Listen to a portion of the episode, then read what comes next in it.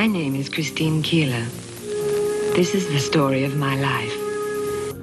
Det er 50 år siden luksusprostituerte Christine Keeler skapte Storbritannias beste sexskandale.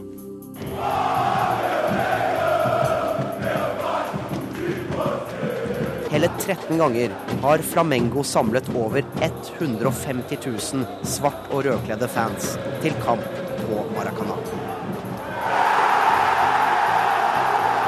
Det kommer aldri til å skje igjen.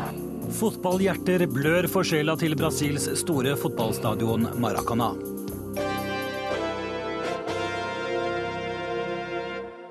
Du hører Verden på lørdag med Øyvind Nyborg. Stigende dødstall, overgrep på sivile, trolig bruk av kjemiske våpen og uoversiktlige frontlinjer. Vi skal snart snakke mer om Syria, men først dette. Elleve menn med bind for øynene kneler på bakken. Bak dem står en person med tildekket ansikt. Han leser fra et ark. I Guds navn, disse soldatene som ikke lenger er muslimer, er dømt til døden. Sharia-domstolen har dømt dem. De har drept våre brødre og våre familier i Syria. Mens en gruppe menn roper 'Gud er stor', retter mannen med tildekket ansikt en pistol mot bakhodet på en av de knelende mennene. Han får ikke avfyrt, han har glemt å avsikre våpenet. Mens forsamlingen fortsetter å rope, avsikrer han.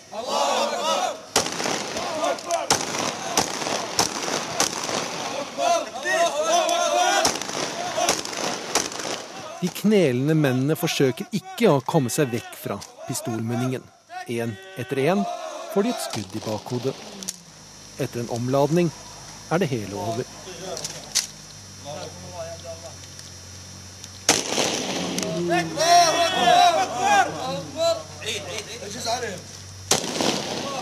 Dette skjedde en eller annen gang i Syria. Videoen ble sendt ut av Reuters med opplysninger om at avrettingen var nyhetsfersk, men måtte trekke den tilbake igjen i løpet av noen timer. Ingen meldinger som kommer ut fra Syria tyder på at videoen ikke fortsatt er representativ for hva som skjer i landet, nå som det har gått inn i sitt tredje år med borgerkrig. Uh, uh.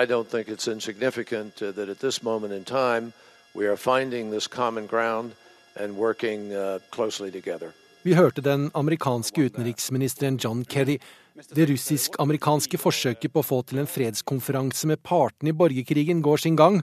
Fortsatt vurderer Assad om han burde stille, og fortsatt er det ikke sikkert hvem som egentlig representerer opposisjonen i landet. Uh, are, uh, are confident about the direction that we're moving in. Kerry er likevel optimistisk. Han er fornøyd med fremdriften. Andre tunger sier at dette ikke kan gå. Ikke vil partene i Syria snakke hverandre til fornuft, og ikke vil Russland være med på den løsningen som er spiselig for USA. Andre igjen sier at det er positivt at Russland i det hele tatt er med. Uh,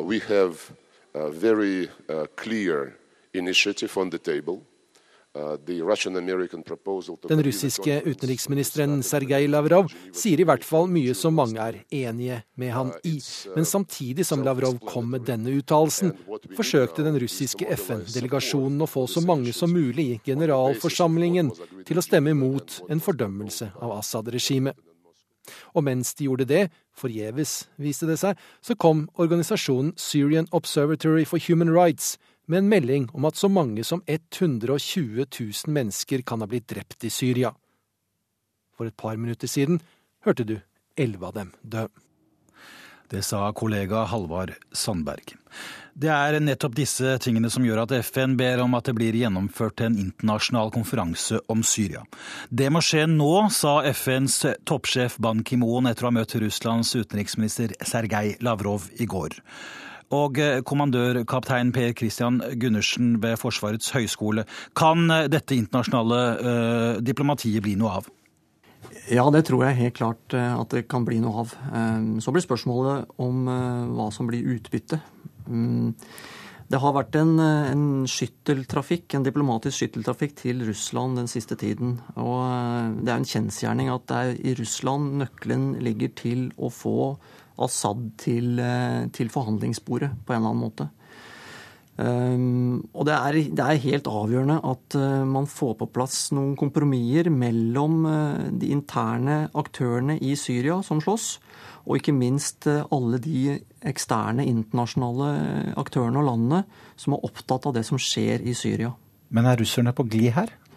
Det kan virke sånn. Ehm, de har i hvert fall sett eh, behovet for, eh, for å, å, få til noe. Og det er, det er altså veldig, veldig, viktig at eh, Russland føler at de blir lyttet til internasjonalt, og at de faktisk er kanskje de som leder an til å få i gang et, en dialog mellom de ulike partene. For det er tross alt de som, som står Assad nærmest sammen med Iran. Men hva er det som gjør at uh, russerne har våknet?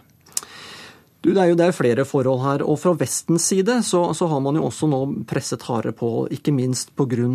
den humanitære situasjonen som er prekær. Eh, og hvor man har sett disse grusomhetene hvor det virker som om det er ingen grenser lenger for hva man er villig å gjøre på begge sider siste månedene så har man da sett eh, hvordan Assads eh, regjeringsstyrker har hatt en fremgang. Så det man har hjulpet til fra Vestens side, har altså ikke hjulpet eh, i så henseende.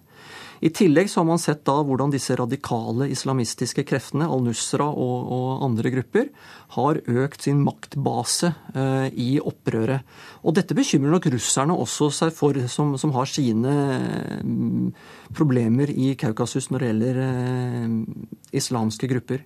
Og det siste, og ikke minst, så, så, så, så vil jeg jo si at eh, bruken, som ingen tviler på, altså bruken av kjemiske stridsmidler, har på en måte gjort at det har toppet seg nå for, for Vesten og Obama spesielt. Ja, Han kaller dette eh, en rød linje, men, eh, og at han derfor vurderer en militær aksjon. Er det sannsynlig? Eh, per nå så er ikke det sannsynlig, men, eh, men det er klart at eh, USA har en, en, utrolig stor militærmakt som kan brukes. Men historisk sett nå, altså nær historie, så har man sett altså at militærmakt løser ikke problemene. Verken i Irak eller Afghanistan spesielt. Så, så man er veldig nøktern i forhold til hva man kan få til med bare bruk av militærmakt. Man må altså finne en politisk løsning, gå i dialog med aktørene på, på, toppnivå, både internt i Syria som sagt, og ikke minst mellom Russland, Vesten, EU, eh, Arabiske liga, Iran og andre for å få til en, en, løsning som alle kan leve med. Nå er vi så heldige å ha en kommandørkaptein i studio. Dersom amerikanerne bestemmer seg for å slå til, hvordan vil det skje? Det vil skje i samarbeid med andre, vil jeg si først. Og um, jeg vil jeg vil bli svært overrasket hvis ikke det skjer med også et FN-mandat på plass. Men, eh, men, sånn helt militært sett så vil jeg jo tro at et sånt uh, angrep vil, eller på en måte et, et eh, militær intervensjon vil foregå fra nord. Så Det er der opprørerne nå står sterkest. Og Tyrkia er jo da et Nato-land, så da kan man altså på en måte basere seg kanskje på, på noe av tyrkiske baser.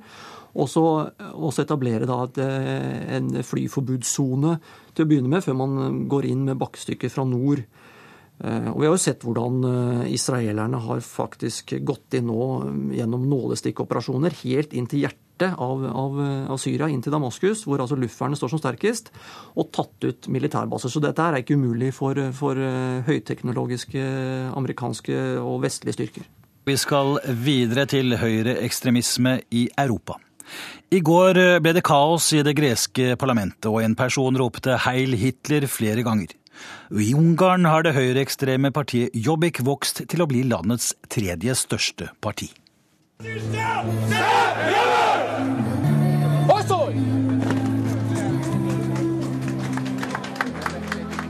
Gud gi oss en bedre framtid, ropes det i kor utover et torg i Budapest. Med snauklipte hoved, kledd i svarte klær og like svarte skinnstøvler, er det lett å dra linjene til nynazismen. Det er det høyreekstreme partiet Jobbik som er ute i gatene og uttrykker sin misnøye mot Israel og jøder. Israelske erobrere, investorer og ekspansjonister bør se etter et land en annen sted i verden, for Ungarn er ikke for sal, sier lederen i Jobbik, Gabo Vona. Hatet mot de 100 000 jødene i Ungarn har økt kraftig de siste åra, og situasjonen er lik i flere europeiske land. Mange mener at det er den økonomiske krisa i Europa som er årsaken til at høyreekstremismen har fått slått rot på kontinentet. Men årsaken er mer sammensatt enn så, mener Ralf Melsa, som jobber ved Friedrich Ebert-stiftung i Berlin, og som forsker på høyreekstremisme. Economic and social situation in certain countries with all the impacts on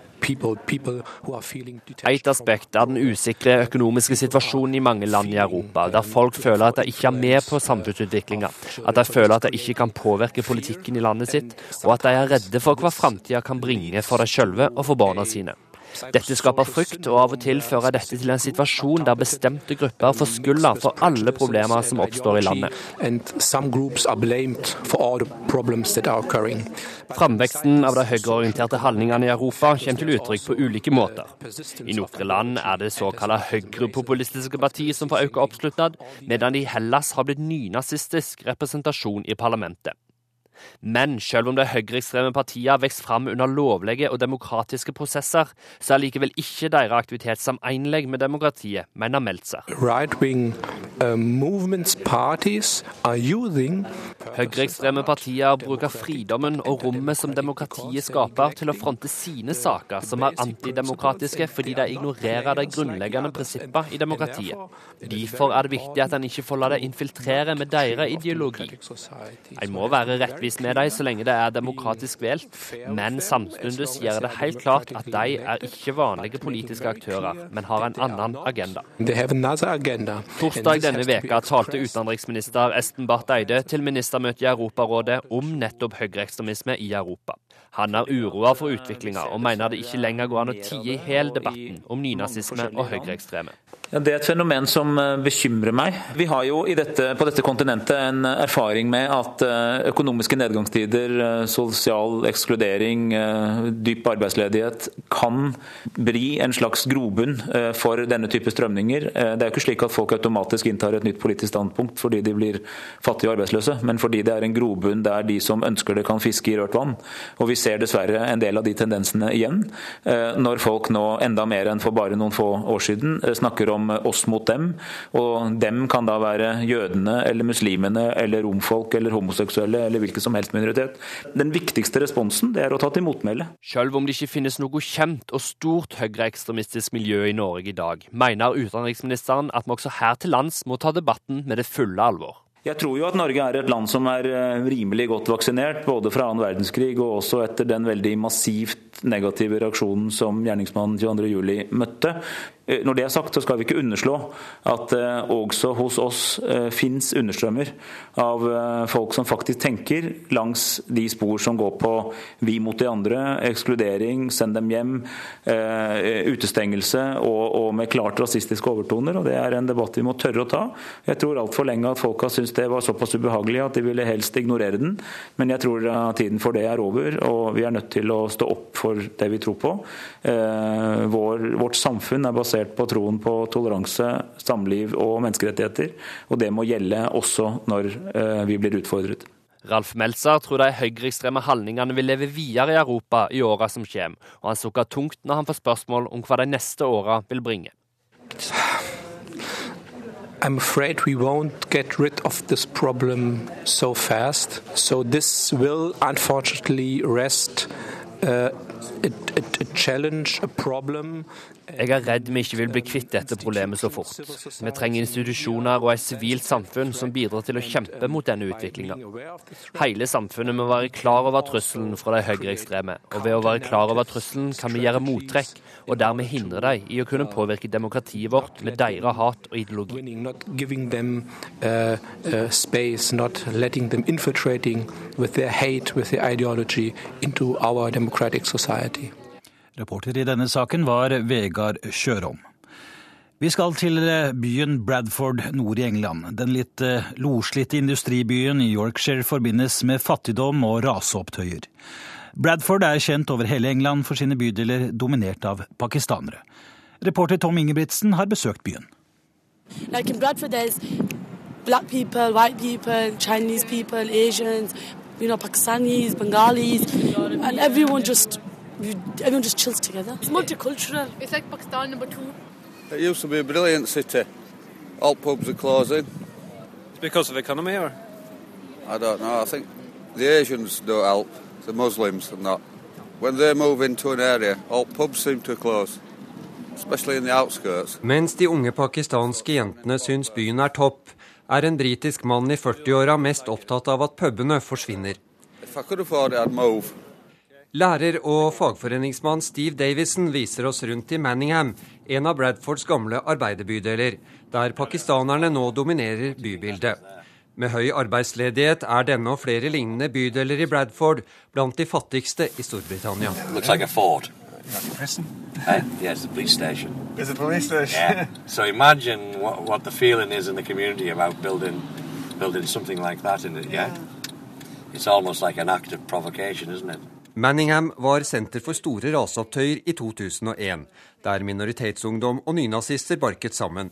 Men de siste åra har det vært rolig. Og Davison er stolt av at de høyreekstreme har liten støtte blant byens hvite. Men han er også opptatt av at skoler og andre offentlige bygninger ikke pusses opp. Som det meste av byen ble de bygd i glanstida på 1800-tallet, da Bradford ble et senter for verdens tekstilindustri. So Bradford had some of the earliest schools in the uh, well in the world, but in, certainly in the country. And so the so so the, the, the facilities of the schools are, are, are, well that's them. You can see they've fallen apart. That's mm. that's the school there. She's getting married and she's getting married, so some wedding outfits. We're just looking to spend some money. Just some wedding outfits. Asha, Yasmin og to andre unge jenter med pakistansk bakgrunn står utenfor en av de mange klesbutikkene i Manningham som selger tradisjonelle pakistanske klær. Fra de første kom til byen på 50-tallet, har den pakistansdominerte minoriteten vokst til nesten 100 000 mennesker.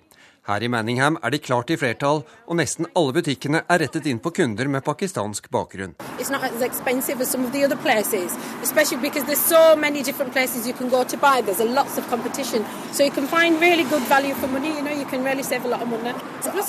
En undersøkelse fra 2010 viste at halvparten av unge pakistanere fortsatt henter ektefeller fra besteforeldrenes hjemland, noe som holder kulturen ved like. Ifølge rapporten er Bradford en av de mest segregerte byene i Storbritannia. De ulike etniske gruppene bor, jobber og lever separat. Engelske Danny på 14 går på skole i Manningham.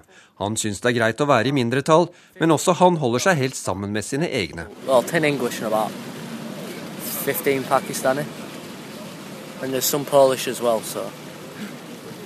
Are you together with them also oh, yeah. when you're not at school, or? No, no, no. I hang around with British people because like you don't want to get on wrong side of Asians sometimes. How come? Because they think they're all bad and all, and like they can snap on you and they can do anything.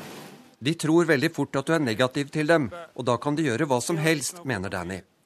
Colin Philpott, som leder Bradford Breakthrough, en paraplyorganisasjon med ledere fra byens viktigste offentlige og private bedrifter mener byen har gjort mye for å bedre integreringen.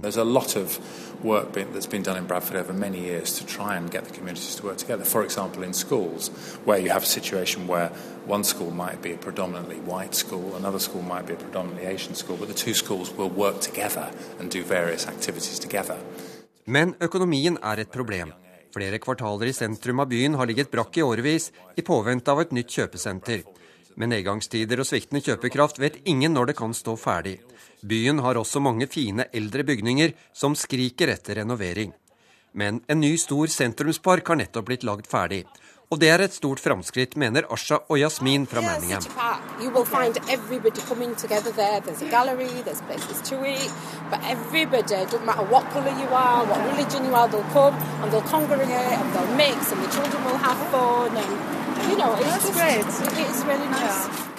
Bradford har en ung befolkning i forhold til andre engelske byer, og vekstpotensialet er stort.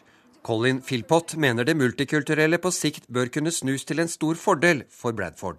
Where can you go in elsewhere in Britain and get the sort of mix of different communities? I mean, of course you can in London. London is the ultimate sort of multicultural city. But outside of London, you know, Bradford's got a really interesting mix of, of different communities. I know, of course, it can manifest itself in a problem, and of course there can be tensions between different communities. Um, and I'm not pretending that that doesn't exist, but the challenges that Bradford got, I don't think, are any greater than many other cities have and have had in the past.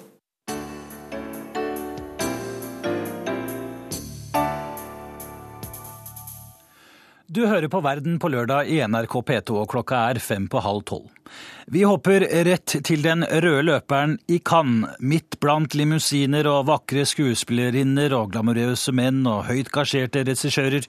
Der er du, Vega Larsen, for NRK. Men er det er dårlig økonomi og moralsk forfall som preger årets filmer. Det har vært det til nå. altså Filmene jeg har sett eh, til nå i Frankrike i Cannes i år, har eh, nesten alle samtlige tematisert økonomi på et eller annet vis. Eh, fra åpningsfilmen, den amerikanske Great Gatsby, til kinesiske The Touch of Sin, så er det økonomi som har stått i sentrum. Gatsby er jo den store erketypiske historien om fasade og drømmen om penger for å oppnå kjærlighet, mens Sofia Coppolas The Bling Ring Eh, er en sann historie om eh, ungdomsgjengen som rana kjendisvillaer i Hollywood og Los Angeles for noen år siden for å få klærne til eh, de rike og berømte. Mens den franske 'Young and Beautiful' er en film om den vakre overklassejenta som kjeder seg så mye at hun velger å prostituere seg. Men så har man motsetninger også, sånn som meksikanske Heli. En voldsom historie om eh, det lovløse Mexico, der narkopengene ruler, eh, til eh, 'Touch of Sin', en kinesisk film som veldig tydelig viser økonomiske forskjeller i verden. Der, ja, I en scene i hvert fall så får man en samtale mellom de to karakterene. og, og Han ene sier at han ønsker å reise til utlandet. og Så sier kameraten hvorfor skal du det? Hele verden er jo konkurs. Det er hit alle reiser. Så jeg forstår ikke at du skal reise fra Kina.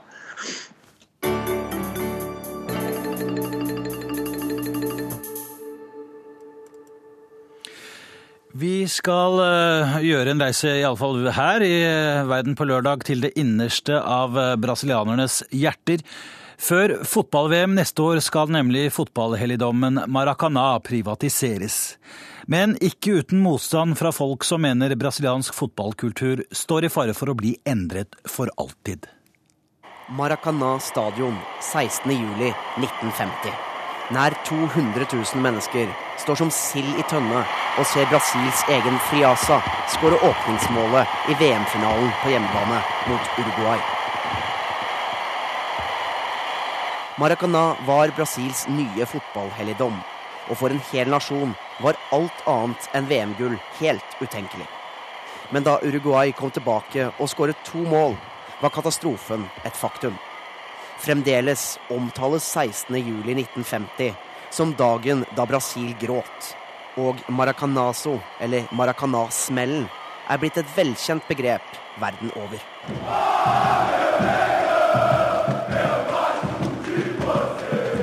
Siden har Maracana vært åsted for både gråt og glede. For landslaget og for Rio de Janeiros fire store klubber Botafogo, Fluminense, Vasco da Gama og Flamengo. Hele 13 ganger har Flamengo samlet over 150 000 svart- og rødkledde fans til kamp på Maracana. Det kommer aldri til å skje igjen. For når Brasil nå forbereder seg til revansj under sitt første VM på hjemmebane siden katastrofen i 1950, og Maracana har blitt pusset opp for 1 milliard hiaish, 3,5 milliarder skattekroner, er kapasiteten mer enn halvert siden storhetstiden. De luftkjølte VIP-loungene har fått breie seg under taket på bekostning av ståplasser og billige plaststoler. Og når Maracana nå skal legges i hendene på kapitalister med krav om høy profitt, har protestene ikke latt vente på seg. Nós estamos aqui contra a privatização do Maracanã.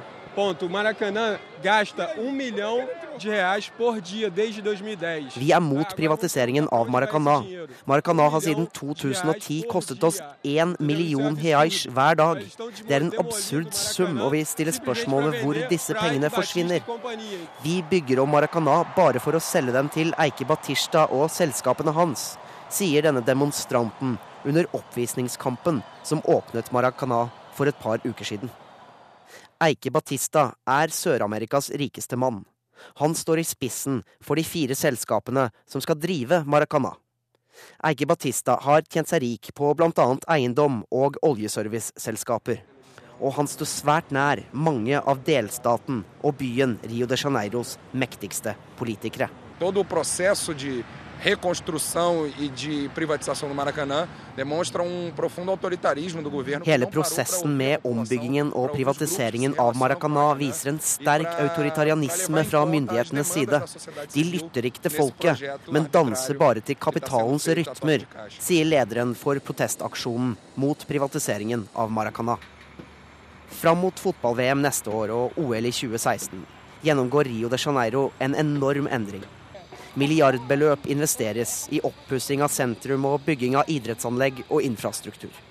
Store oljefunn i havet utenfor byen har trukket til seg storkapitalen, og eiendomspriser og levekostnader har skutt i været. Slik er det også med Maracana, som mer enn alt annet i byen skaper varme følelser i hjertet til Rio de Janeiros innbyggere, cariocaene. The Maracanã was the stage for performance of what became a very central element of Brazilian national identity. Fotball er et sentralt element i brasilianernes nasjonale identitet, og Maracana har i over 50 år vært hovedscenen for dette, sier Christopher Gaffney. Han er professor ved Fluminense-universitetet i Rio, og forsker på fotballens sosiologi i Brasil og Latin-Amerika. Nå vekker navnet Maracana først og fremst nostalgi hos brasilianerne, mener Gaffney.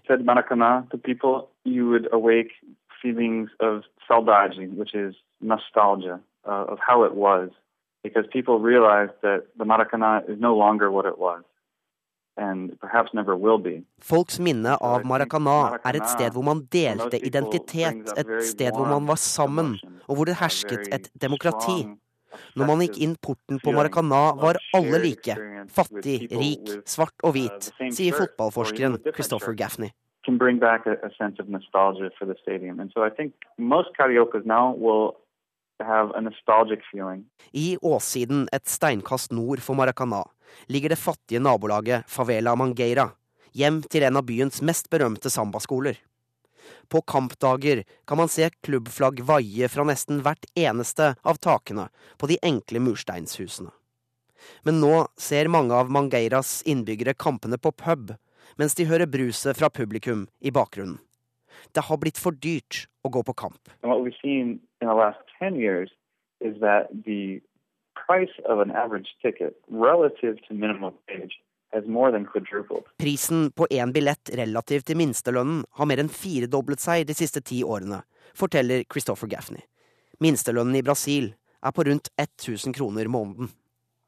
En billett til en seriekamp koster nå gjerne en tredel av dette. The Brazilian constitution guarantees Den brasilianske grunnloven garanterer alle innbyggere tilgang til sport og fritidsaktiviteter.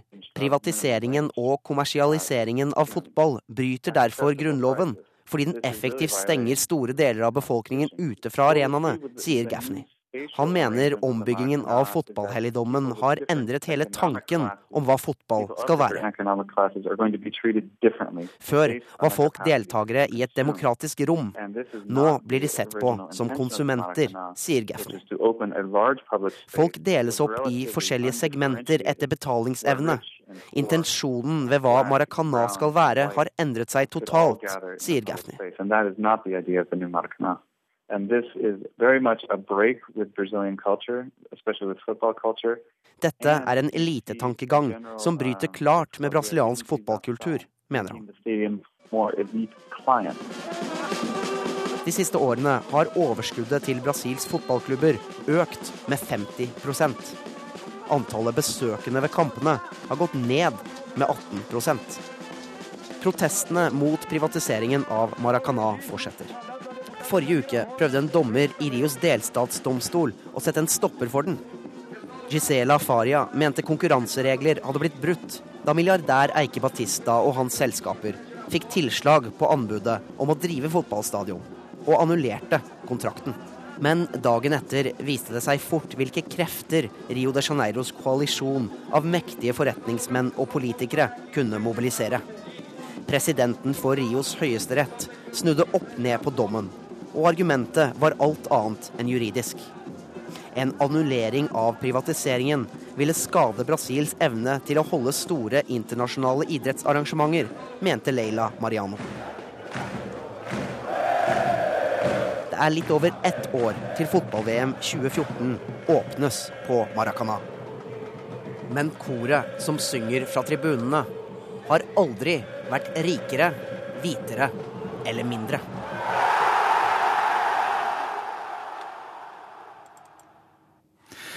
Det sa kollega Stig Arild Pettersen. Vi skal eh, til Bangladesh og forholdene for tekstilarbeiderne der. Selskapene som hadde produksjon i fabrikkbygningen eh, der mer enn 1100 mennesker omkom, kunne gjort mye for å forhindre katastrofen. Det mener Arif Nakvi, som er en av verdens ledende investorer i fattige land i Asia. Det er eh, kollega Tove Bjørgaas som har møtt han i Oslo denne uken.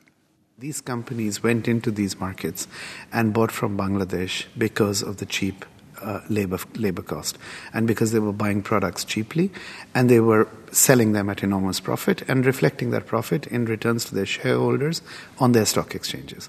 Disse selskapene flyttet produksjonen sin til Bangladesh fordi arbeidskraften der er så billig. De og aksjonærene deres har tjent enorme summer på dette. De burde ha brukt mer av profitten til å endre forholdene i landet, sier Arif Nakvi. Right Den pakistanske finansmannen er ikke redd for å snakke rett fra levra. Og han har makt til å gjøre nettopp det. Nakvi driver et gigantisk investeringsselskap som finansierer selskaper i de fleste fattige land i verden, også i Bangladesh.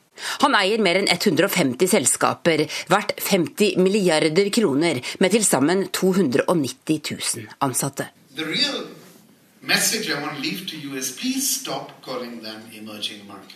Denne uka kom han til Oslo for å motta The Business for Peace Award sammen med fire andre nytenkende næringslivsledere. Nakvi har siden han etablerte selskapet The Abraj Group for elleve år siden, gjort sosialt ansvar til en integrert del av virksomheten sin. 5% vår gruppes group's ikke vår not our bottom line, goes into what we call sustainable stakeholder engagement tracks. So we work with NGOs, we work with organizations that are focused on areas that are important to us, which are primarily entrepreneurship, education and health. 5% av alt vi investerer, går til å bygge opp lokalsamfunnene der selskapene våre opererer.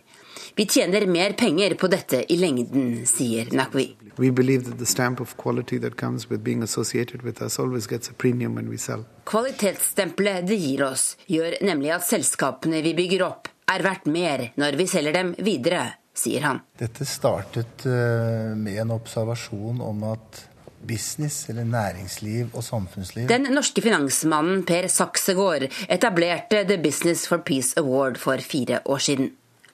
Prisen er et samarbeid med UNDP og sammenslutningen av internasjonale handelskamre.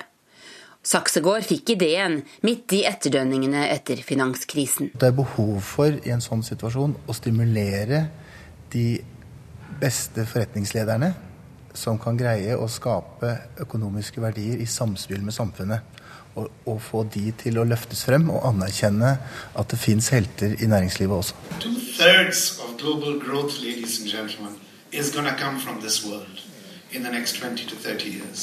Arif Nakvi forklarer tilhørerne på prisutdelingen at det er globale vekstmarkeder som Bangladesh som kommer til å sørge for den økonomiske veksten i verden i årene framover. Per Saksegård mener Nakvi er et svært viktig forbilde i næringslivet. De har greid å skape økonomiske verdier som også har skapt verdier for samfunnet rundt om. Har som poeng i sin virksomhet at stakeholders, altså alle de andre som er utenfor aksjonærene, kommer først, og så kommer aksjonærene. Og Da har du snudd perspektivet fra at penger kommer først, til at formålet med hva du gjør, kommer først. Ledende finanseksperter er stadig mer opptatt av at bedrifter må ta et større sosialt ansvar. En av de fremste er professor ved Harvard, Michael Porter, som har beskyldt amerikanske selskaper for å drive med det han kaller markedsfundamentalisme. Dersom selskaper ikke bidrar til å utvikle samfunnene de opererer i, enten de er i USA eller i Bangladesh, vil de tape på det i lengden, mener Porter. Per Saksegård er helt enig. Informasjonen er nå blitt demokratisert. Det gjør at renommerisikoen ved å ikke oppføre seg ordentlig er mye høyere enn den var tidligere. Men fundamentet i hvordan næringslivet også skaper verdier, er også blitt annerledes. Og bevisstheten rundt dette endrer seg nå gradvis og faktisk økende over hele verden. Well, I believe each of us has a responsibility to change the world that we come into. Arif Nakvi er glad for at Hennes og Maurits og flere andre kleskjeder har signert en avtale som skal bedre forholdene ved fabrikker i Bangladesh. Men han mener de skulle ha gjort dette for lenge siden. I, I think it's a bit hypocritical to wake up when a thousand people have died, because in my opinion those thousand people have died absolutely and totally because of the greed of the corporations that were buying from the businesses that were selling. Det er nokså hyklersk å våkne når 1000 mennesker er døde. Jeg mener de døde fordi selskapene som kjøpte klær fra fabrikkene i bygningen var så grådige, sier han. Det er gått 50 år, men fremdeles regnes Parfumio-skandalen som det politiske Storbritannias beste sexskandale. Krigsministeren hadde et forhold til den 19 år gamle Christine Keeler. Pikant nok i seg selv, men midt under den kalde krigen var det svært uheldig at den luksusprostituerte Miss Keeler også betjente marineattasjeen ved den sovjetiske ambassaden. My name is Christine Keeler. This is the story of my life, and the story of Stephen Ward, the most important man in it. Kristin Keeler var en tenåring med et flott utseende. Hun kom fra enkle kår og etablerte seg som gledespike ved hjelp av sin venn og tidligere samboer Stephen Ward. Han var en herre på byen. I tillegg var han osteopat, hvilket gjorde at han knadde de rike og vellykkede og befridde dem for plager og smerter. Han fikk kontakter og bekjentskaper i sosietetens innerste og øverste sirkler. De ble venner og fortrolige, og benyttet seg derfor av Stephen Wards mer lyssky tjenester og talenter. Han arrangerte løsslupne fester og skaffet gledespiker til glede for mektige menn. From here he cultivates celebrities and some of London's most beautiful party girls, introducing them to the wealthy upper class. Den allsidige Stephen Ward var fordomsfri og om seg. Han pleiet nemlig også vennskap med den sovjetiske marineattasjeen i London på dette tidspunkt, Jevgenij Ivanov, en herre med sans for livets gleder. Dette vennskapet bekymret den militære etterretningen MI5, men Stephen Ward forsikret dem om at han var en lojal brite, tro mot dronningen og flagget og stilte seg til disposisjon for fedrelandet. MI5 vil gjerne legge en honningfelle for Ivanov, og lokkeduen skulle være Christine Keeler. Med kompromitterende bilder av de to skulle MI5 presse Ivanov enten til å bli dobbeltagent eller til å hoppe av. Christine Keeler, a stunning call girl, is the honey in a honey trap. It is a British sexpionage plot to blackmail a Russian spy. Opplegget fungerte 100 men feil mann gikk i fellen. Den sovjetiske diplomaten var forsinket til det løsslupne selskapet hos lord Astor på storgodset Clivden, fire mil utenfor London. De nakne nymfene i det opplyste bassenget fikk stor oppmerksomhet, og den britiske krigsministeren John Profumo falt fullstendig for Christine Keeler, til tross for at hans kone Skuespilleren Valerie Hobson var til stede. Den 49 år gamle politikeren og den 30 år yngre callgirlen innledet et forhold, men den unge skjønnheten var en travel og lettsindig pike. Hun forførte den sovjetiske diplomaten Ivanov slik MI5 ønsket, og lokket ham inn i honningfellen. Dermed var grunnlaget for den store skandalen lagt. En diplomat fra Warszawapakten og en krigsminister fra et Nato-land hadde samme elskerinne. I den kalde krigen var det en betydelig sikkerhetsrisiko, for å underdrive på britisk vis.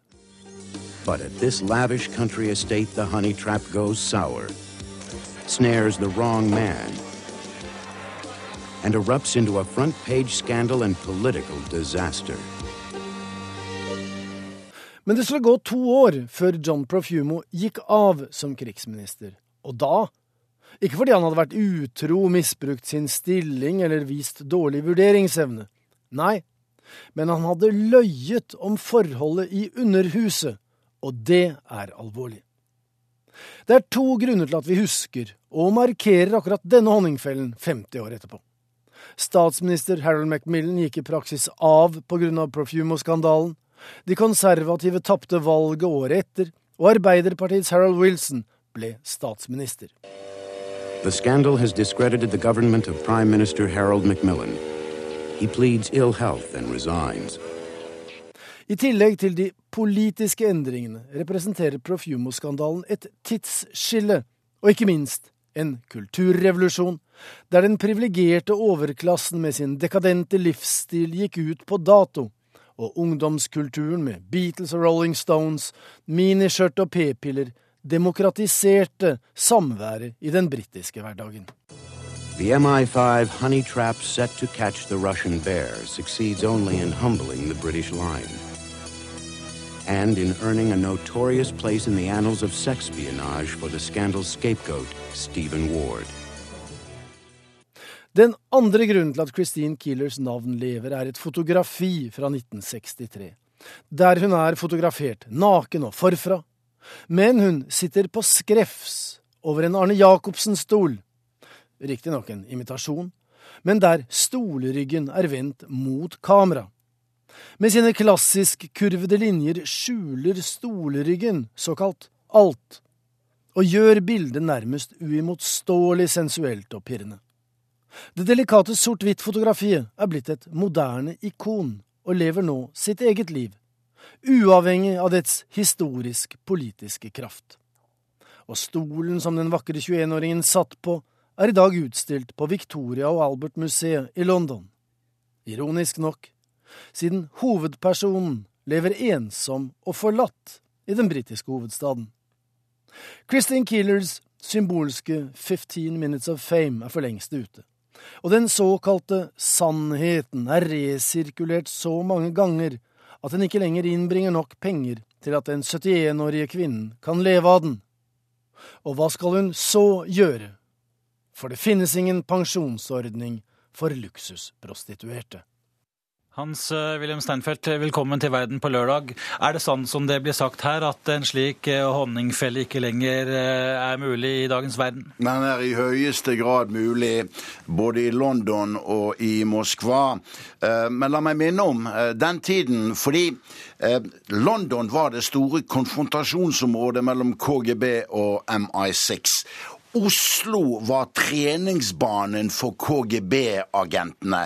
Jeg minner om at en mann som senere ble nestkommanderende for KGB, generaloberst Viktor Grusjko, hadde tolv år som spion under dekke å være kulturattaché i Oslo. Gennadij Titov, sjefen for Arne Treholt, var først i Oslo. Så var han i London. Eh, og Oslo var den nærmeste Nato-hovedstaden, slik at norske hemmelige tjenester har god snøring forklaring på Kristine Kieler-skandalen. Når jeg nevnte at honey traps både den gang og nå er aktuell, ehm, så sto jo eh, Vladimir Putin som direktør for KGBs arving, FSB, for en prominent eh, parallell i 1999. Hvilken var det? Det var den russiske riksadvokat Jurij Skuratov som avslørte at en rekke prominente medlemmer av Jeltsins eh, innerste krets var med å bidra til til eh, krekket i russisk økonomi i 1998.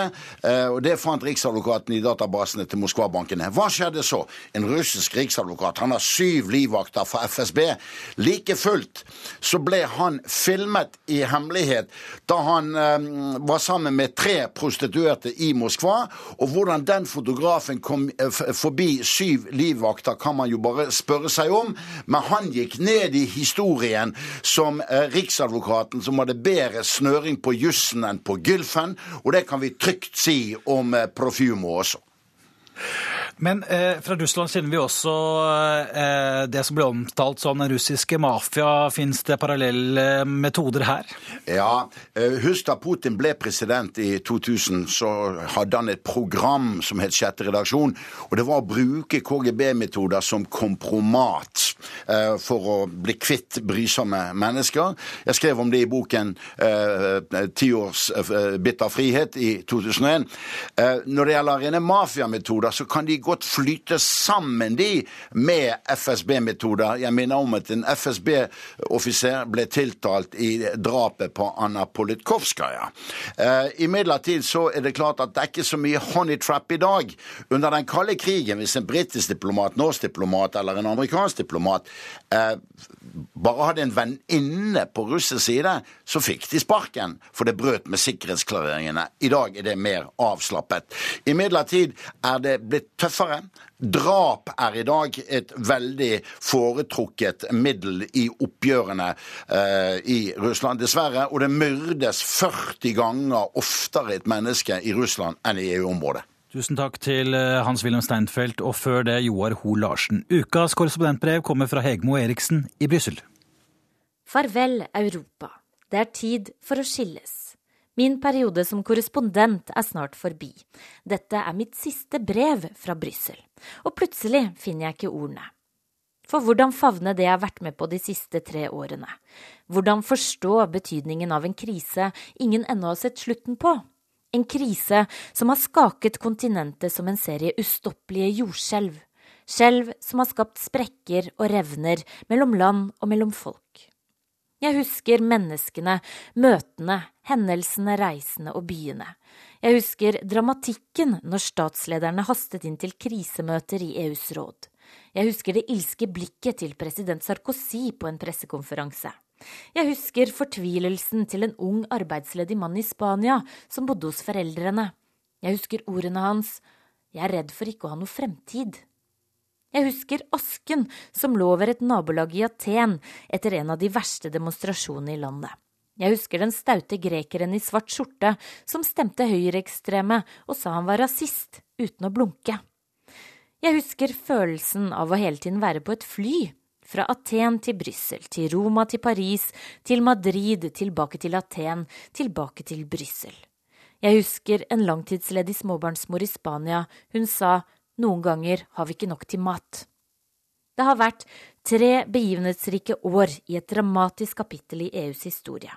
I dette brevet vil jeg trekke fram noen få hendelser, en liten uhøytidelig kåring over stort og smått jeg har vært med på. 1. Sterkeste øyeblikk. Min sterkeste opplevelse er synet av en stokk. En stokk og en morgenkåpe som kom ut på gata en bitende kald novemberdag i Madrid. Det var 81 år gamle Tomasa som kom. Utenfor sto alle møblene hennes stablet oppå hverandre. Tomasa, hennes datter, datterdatter og tre små barn var blitt kastet ut på gata. De var alle arbeidsledige. Vi så hvordan politiet rykket inn og barrikaderte døra. Vi så barna bli båret bort, vi så en hel familie bli kastet på dør. Og da jeg så stokken komme til syne i døra, og i neste øyeblikk en krumbøyd og grå bestemor Tomasa som stavret seg ut på gata, da presset tårene på. Likevel er det en liten detalj, en liten setning i en helt annen sak, som jeg ofte går og tenker på, som jeg ikke får ut av hodet. Jeg satt i en mørk stue i Nord-Frankrike sammen med en far og hans datter. Mohammed på 59 år var en vever mann med et bekymret blikk og lut rygg. Jeg var i byen Lance for å lage sak på arbeidsledigheten der, og Mohammed som var mekaniker, hadde gått ledig i tre år. Fortvilelsen lyste i øynene hans. Problemet var ikke det materielle, problemet var dagene, timene og minuttene uten mening lediggangen som gnagde på verdigheten hans. Mohammed kjempet en desperat kamp for å få jobb, og en kamp med seg selv for å beholde selvfølelsen. I en bisetning sa han, Jeg klarer ikke være den kjærlige familiefaren jeg ønsker, det renner over for meg. Datteren Miriam sa ingenting, og jeg kjente det plutselig i magen at det å føle seg verdiløs er noe av det verste for et menneske, og at skaden brer om seg med ringvirkninger for en hel familie. To. Mest slitsomme reise. Etter en uke med influensa var jeg på bedringens vei da det plutselig tikket inn en melding fra redaksjonen tidlig morgen. Det sto Hei, hvor syk er du? Kan du dra til Liberia klokken tolv? To timer senere sjekket jeg og fotograf Mark Kermans inn på flyet til hovedstaden Monrovia på Afrikas vestkyst. Landets president Ellen Johnson Sirleaf hadde nettopp blitt tildelt Nobels fredspris sammen med aktivisten Leima Bowie. Og jeg var den eneste av NRKs korrespondenter som kunne rekke fram til Monrovia i løpet av kvelden. Det var så vidt vi fikk kranglet oss med om bord, for innsjekking var allerede stengt da vi hesblesende kom løpende til skranken. Har du tatt med penger? spurte jeg fotograf Mark da vi satt på flyet. Nei, svarte Mark, som var en erfaren pressefotograf. Men slapp av, det er Afrika vi skal til, alt ordner seg. Slik dumpet vi ned i Monrovia, en av verdens fattigste byer, uten penger og uten en eneste minibank som virket. I tussmørket reiste vi til presidentpalasset og fikk et eksklusivt intervju med president Ellen Johnson Sirleaf. Men da vi et par dager senere skulle til flyplassen, var veiene blokkert av store demonstrasjoner. Det var snart valg i Liberia, og titusenvis av mennesker fylte gatene. Vi kom en time for sent til flyet og fikk beskjed om at neste fly til Europa gikk om fire dager. Slik ble vi værende i landet en uke og dekket valget. Hver morgen på hotellet spiste jeg et lass med amerikanske pannekaker med sirup og flesk for å holde det gående uten mat ute i felten resten av dagen. Pengelens i Afrika. Tre største overraskelse. Jeg hadde faktisk ikke trodd at det kom til å skje, men jeg har dekket ikke bare én, men to fredspriser. Og da telefonen min ringte en sen kveld, ante jeg virkelig ikke hva som var på trappene. Jeg var i Valencia og laget sak på unge arbeidsledige da NRK plutselig var på tråden. Det gikk sterke rykter om at EU ville bli tildelt Nobels fredspris denne gangen, og redaksjonen ville ha meg fortest mulig på plass i Brussel. Neste morgen fikk jeg booket om billetten min til Paris, tok så toget videre til Brussel og kom løpende inn i EUs mektige kommisjon med kofferter og utstyr på slep, bare få minutter etter at Torbjørn Jagland hadde annonsert EU som årets fredsprisvinner. I EU-kommisjonen ble jeg geleidet rett til toppen av bygningen, til det luftige kontoret til president José Manuel Barroso for et eksklusivt intervju. Vi er alle vanvittig glade, dette er virkelig stort for oss, hvisket en av Barrosos nærmeste medarbeidere. Presidenten selv var et eneste stort smil. Øynene glitret bak brilleglassene, og det var ingen falsk beskjedenhet å spore hos EU-kommisjonens president. Dette har jeg drømt om lenge, og jeg synes vi fortjener denne prisen, sa Barroso. Sammen med et knippe av Europas ledere dro han til Oslo for å motta hederen. Men glansen fra fredsprisen varte ikke lenge. Noen uker senere var det igjen full strid på toppmøtet i Brussel. Fire største gledesøyeblikk.